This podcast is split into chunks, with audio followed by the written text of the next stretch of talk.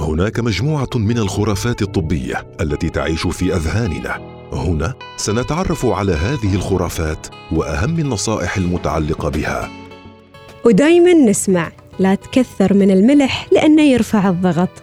يا ترى هل فعلا الملح يرفع الضغط؟ خلونا نتعرف على التفاصيل. خرافات طبية مع سميرة الفطيسيه الملح. هو عبارة عن معدن يتكون بشكل كبير من مركب كلوريد الصوديوم إذ يحتوي على الكثير من كلوريد الصوديوم نحو 98% من الوزن لدرجة أن معظم الناس يستخدمون كلمتي ملح وصوديوم بالتبادل ويتم إنتاج الملح عن طريق تبخير المياه المالحة أو استخراج الملح الصلب من مناجم الملح الجوفية. قبل أن يصل إلى متجر البقالة يمر أيضا بعملية تكرير لإزالة الشوائب وأي معادن أخرى غير كلوريد الصوديوم. ثم يضاف إليه عوامل مضادة للتكتل للمساعدة في امتصاص الرطوبة.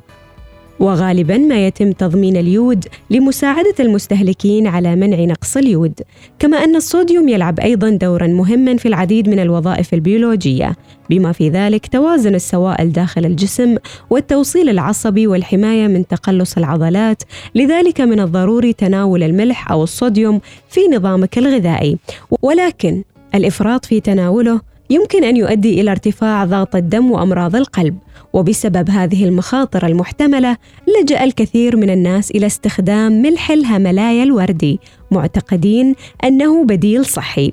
يتم استخراج ملح الهملايا يدويا ومعالجته بشكل ضئيل لإنتاج منتج غير مكرر وخاليا من الإضافات.